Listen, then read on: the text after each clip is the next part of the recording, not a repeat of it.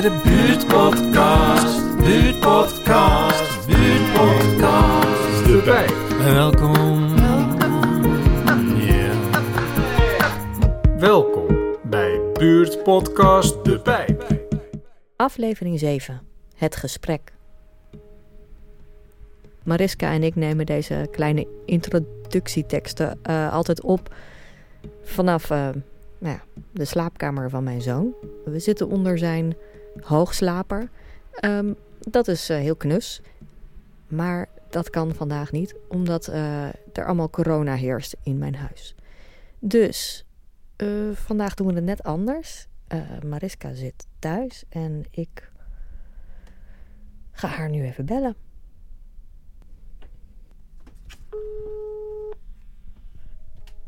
Met Mariska? Hi, met Suzanne. Hey Suzanne, hoe is het met je? Voel je al wat beter? Eh nou, ietsjes. Ja, het is, eh, het, het is zoals het is. Ah, Oké. Ja. hey, ehm, maar we hebben goed nieuws te melden. Ja. Vertel jij het? Is goed. Hè? We, hebben, we hebben namelijk sinds kort een, eh, een nieuwe redactie van de Buurtpodcast. Een uitbreiding met allemaal betrokken buurtbewoners die ook ideeën hebben om te verwerken in de Buurtpodcast.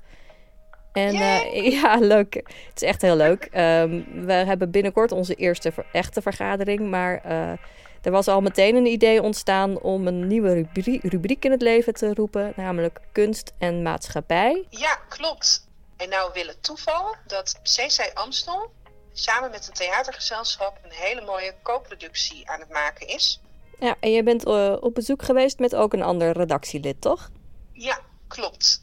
Gertrude Langendijk, eh, die is mee geweest en we hebben samen hebben we, eh, een scène meegemaakt en eh, de interviews afgenomen. Ja, en jullie hebben ook nog gesproken met Mirjam van CC Amstel. En zij geeft ook nog kaarten weg, toch? Ja, dus ik zou zeggen, luisteraars van de Buurtpodcast, blijf echt tot het eind luisteren, want er worden kaartjes gratis weggegeven. En zoals ik al zei, ik heb een scène gezien en het is echt de moeite waard. nou, mooi. Kom, we gaan luisteren. Yes.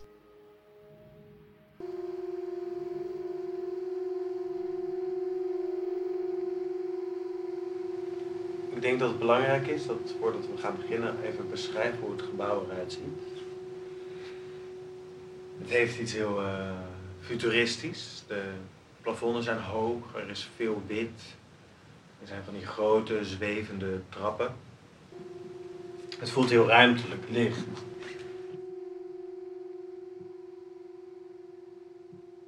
Eh, ik ben eh Jurien van Renen en ik eh, ben theatermaker. En ik maak samen met CC Amstel en Theater de Generator, dat is een generator in Leiden, en CC Amstel zit in de pijp, een voorstelling over het bijstandsbeleid. En met name over welke gevolgen het beleid heeft op de mensen die dat moeten uitvoeren en de mensen die daar op andere manieren mee te maken krijgen. Nou, de voorstelling gaat dus over het bijstandsbeleid. En ik heb eh, eh, de teksten geschreven samen met Teerza Gevers. En die hebben we geschreven naar aanleiding van gesprekken die ik heb gevoerd met mensen die op totaal verschillende manieren met dat beleid te maken hebben gehad. Eh, dus mensen die een uitkering hebben ontvangen, mensen die werken bij de gemeente, die dus het beleid moeten uitvoeren activistenorganisaties zoals Doorbraak en de Bijstandsbond, eh, juristen en ook gemeenteraadsleden. Dus die vanuit de politiek proberen eh, wetswijzigingen door te voeren. Dus een breed scala aan mensen. De aanleiding om dit stuk te maken was ehm, eigenlijk de documentaire De Tegenprestatie, die ik een aantal jaar geleden is dat, keek. En die documentaire die gaat over gemeente Rotterdam, die door een nieuwe wet, de participatiewet, aan eh, iedereen die een uitkering aanvraagt, een tegenprestatie moesten vragen. Dat verschilde wat dat was, maar dat was ook eh, afvalprikken. En in die documentaire zie je de gesprekken die de gemeenteambtenaren voeren eh, met de mensen die de uitkeringen aanvragen. Toen ik daar naar keek, voor mij was een, de bijstand een soort financieel vangnet. Zo had ik dat tot, tot nog toe, zat dat een soort van in mijn hoofd. Want ik ben ZZP'er, ik heb geen verzekeringen. Dus voor mij was dat een soort van, nou, dat is er nog. Eh, en toen keek ik naar die documentaire en toen, toen zag ik dat daar dus helemaal niet meer werd gekeken naar de, naar de persoonlijke eh, verhalen die mensen vertelden. Iedereen werd op dezelfde manier bejegend. Je moest mensonterende dingen doen. Eh, ook als je helemaal niet op dat moment, ja, als je, als je op dat moment helemaal niet in staat was om, om te werken, moest je dat toch doen. Eh, dus vanuit daar dacht ik van, huh, wat, wat is daar gebeurd? Hoe, wat heeft die nieuwe wet voor, veroorzaakt? En ja, dat wilde ik gaan onderzoeken. En in het begin wist ik daar eigenlijk niet zoveel van af. Was ik best wel ja, bleu. En toen ben ik heel veel.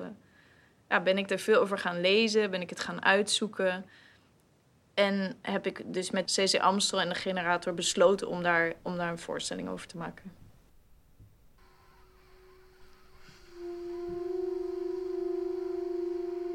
Het gesprek vindt zich plaats in een afgesloten ruimte ruimte die heeft twee deuren die tegenover elkaar staan. Daar één en hier één.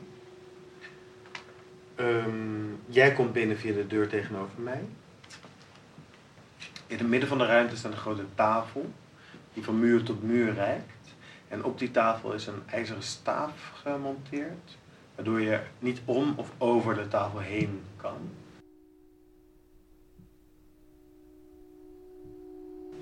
kan het beeldscherm van jouw computer niet zien. Kijk naar je vingers, ze liggen ontspannen op het toetsenbord. Je kijkt naar het scherm zonder mij aan te kijken. Zeg je. U zit hier, zoals u weet, omdat u een aanvraag heeft gedaan voor een uitkering. Het is u niet gelukt om een baan te vinden en daarom zit u nu hier. En uh, de bedoeling van dit gesprek is om erachter te komen wat voor mogelijkheden je hebt om weer aan het werk te gaan. Je pas kijk je me aan. Hoe komt het nou dat je geen werk hebt kunnen vinden? Je buigt een beetje naar voren, alsof je de afstand tussen mij en de vraag wil verkleinen. Laat ik het anders vragen.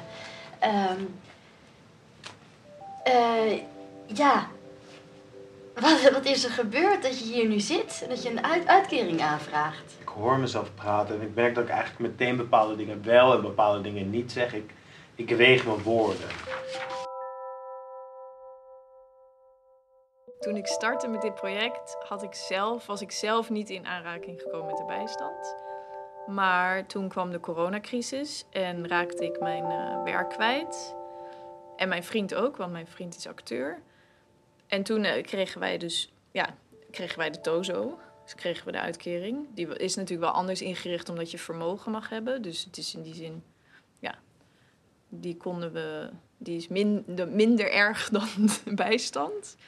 Ehm, en toen voelde ik dat het een onmogelijk bedrag is om van te leven in Amsterdam. Uh, ja, wij, wij hebben dat berekend en hielden 15 eh, euro volgens mij over per maand om van te eten met z'n tweeën. En nou hadden wij, wij hadden een spaarrekening, dus dat, dus dat ging wel. We hebben denk ik acht maanden dat ge, ja, de, na acht maanden hadden we weer een beetje werk. Dus we hebben dat acht maanden gekregen. Maar toen was de spaarrekening dus wel uh, een stukje leger. Omdat het gewoon niet te doen was. Heeft het ook het onderzoek uh, beïnvloed, je eigen ervaring?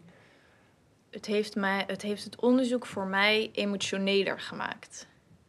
Omdat ik uh, ook ja, om mij heen zag uh, wat voor uh, stress dat toch, ja, wat voor stress het oplevert. Ja, en tijdens het repetitieproces besefte ik dat ik dus echt niet meer ervaar dat ik kan vallen. Ik heb wel ouders die mij even kunnen opvangen als ik uh, overspannen rijd. Kijk, ik, ik heb geen arbeidsongeschiktheidsverzekering. Dus eigenlijk heb je gewoon op het moment dat ik niet kan werken, is er geen WW, is er niks. Ja, door de afgelopen jaren en door dit onderzoek waarin je eigenlijk voelt dat de bijstand, dat je daar liever echt niet in terecht komt. Dat je financieel kan vallen, een soort van, daar is geen net meer. Dat heb je ervaren? Ja, dat voel ik in mijzelf. Ja. En de, daar, dat, ja, dus dat heeft het onderzoek wel degelijk beïnvloed. De urgentie, het heeft de urgentie nog meer vergroot. Omdat het ook een, een meer persoonlijkere eh, urgentie kreeg. En is er een, een boodschap eh, die je ons mee wil geven met dit stuk? Eigenlijk wil ik ehm, toch wel wat onbekende feiten, zeg maar, bekender maken. Dus ik denk dat er veel eh, niet bekend is over wat er gebeurt als je te maken krijgt met het huidige bijstandsbeleid en überhaupt over in armoede leven. Ehm, en eigenlijk wil ik in deze voorstelling dat we daar met elkaar naar kijken en ehm, beseffen eh, wat er de af, ja, of, ja, afgelopen jaren, het is natuurlijk al heel lang aan de hand, maar dat dat dus aan het verdwijnen is. En dat het voor ons allemaal, ook al voel je dat niet direct, iets betekent. En je bedoelt het verdwijnen van het vangnet. Ja, voor jezelf of voor de ander. Dat, je daar, dat daar een verantwoordelijkheid in zit. En dat, dat je dat ook eigenlijk echt wel met z'n allemaal wil. Ehm, Het- Een beetje het gevoel alsof we met z'n allen ehm, vergeten zijn waar het nou eigenlijk om draait. ja. ja, misschien wel. Dat we met z'n allen vergeten zijn waar het eigenlijk om draait. Dus wat belangrijk is, is dat je eh, met elkaar kan organiseren dat iedereen veilig kan leven. En dat is, of dat heb ik in dit onderzoek een soort van ervaren, dat dat aan het verdwijnen is. Ja, wat ook wel iets is wat veel, veel eh, binnen activistische organisaties eh, wordt gezegd, is. Want het gaat natuurlijk ook over de verdeling van welvaart, over eh, vermogensverschil, over inkomensongelijkheid. En daarin ehm, is er een hele grote groep die samen minder vermogen heeft. En maar een kleine groep die heel veel vermogen heeft. Dus in die zin is de groep die, die de dupe is of zo veel groter dan we soms voelen misschien. En als die groep zich keert, of met elkaar beslist van, ja, nee, precies. Je moet weer, moet weer veilig je door het leven kunnen bewegen. Ja, dat, dat kan in zekere zin. Dat kan. Je kan dat beleid herschrijven als het over, ja. Maar het is breder. We pakken de bijstand, maar het is eigenlijk een breder onderwerp. Je begint te typen, je vingers vliegen over het toetsenbord. Als we het hebben over algemeen geaccepteerde arbeid, dan bedoelen we dat je veel breder moet gaan kijken. Ja, en dus ook misschien iets minder kieskeurig moet zijn. Dat is helaas wat er van je wordt gevraagd. Met het woord helaas trek je je schouders op en hou je je hoofd een beetje schuin. Probeer me wat meer een houding te geven. Ik ga rechtop zitten. ik kan me voorstellen dat dat heel lastig is om werk te gaan doen waar je in eerste instantie niet aan had gedacht. Maar als je een uitkering aanvraagt, dan moet je soms tijdelijk iets anders gaan doen. Een uitkering is nou eenmaal niet bedoeld voor mensen die even geen werk vinden in hun eigen werkveld en iets anders leuk vinden. Mijn handen beginnen te zweten. Ja. Ik veeg ze af aan mijn broek. Ik stel je maar een vraag. Om iets open te breken. Maar jij gaat door. Ik wil je heel graag helpen om verder na te denken over wat je mogelijkheden zijn. Want de bijstand is natuurlijk alleen maar een tijdelijk vangnet. Je kijkt naar mijn handen. Ik voel me betrapt. Zou je later nog aan dit gesprek terugdenken? Oké, ik weet genoeg. Er is een mogelijkheid om na de voorstelling met elkaar in gesprek te gaan. Ja, we hebben na de voorstelling een nagesprek om mensen de mogelijkheid te geven om ja, even een soort van weer op die plek te komen, in die zaal te komen, omdat je meegesleurd wordt in verschillende situaties. En ook om het met elkaar te hebben over wat je herkent of juist wat helemaal nieuw is. Om daardoor ook een soort van het gezamenlijke gevoel of zo. Of het, het, ehm, we hebben daar even samen naar gekeken. We hebben daar even samen bij stilgestaan.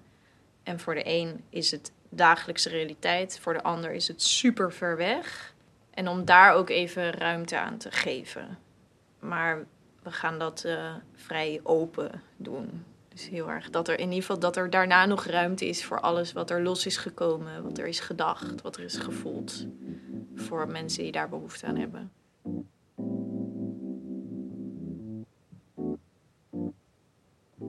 Hi, ik ben Mirjam. Van Beurden. Ik eh, ben publiekswerker bij CC Amstel. En CC Amstel is het cultureel clubhuis in de Pijp.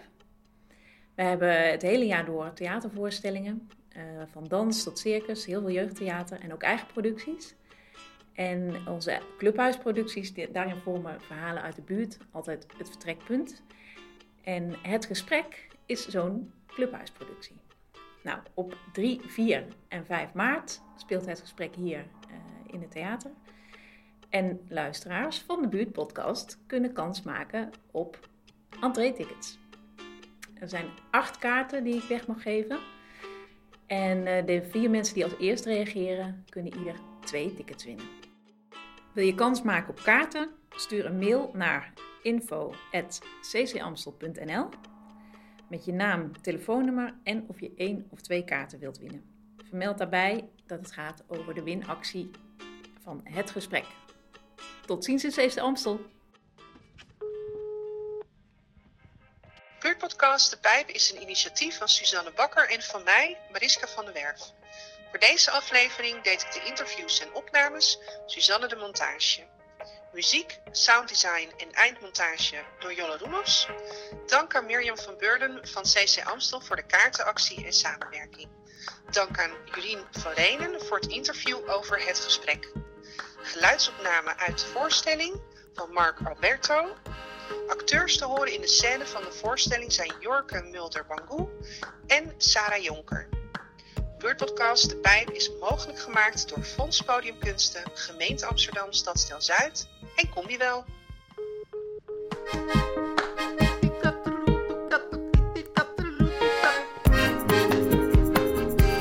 En welkom bij de buurtpodcast. Buurtpodcast. Buurtpodcast. De Pijp. En welkom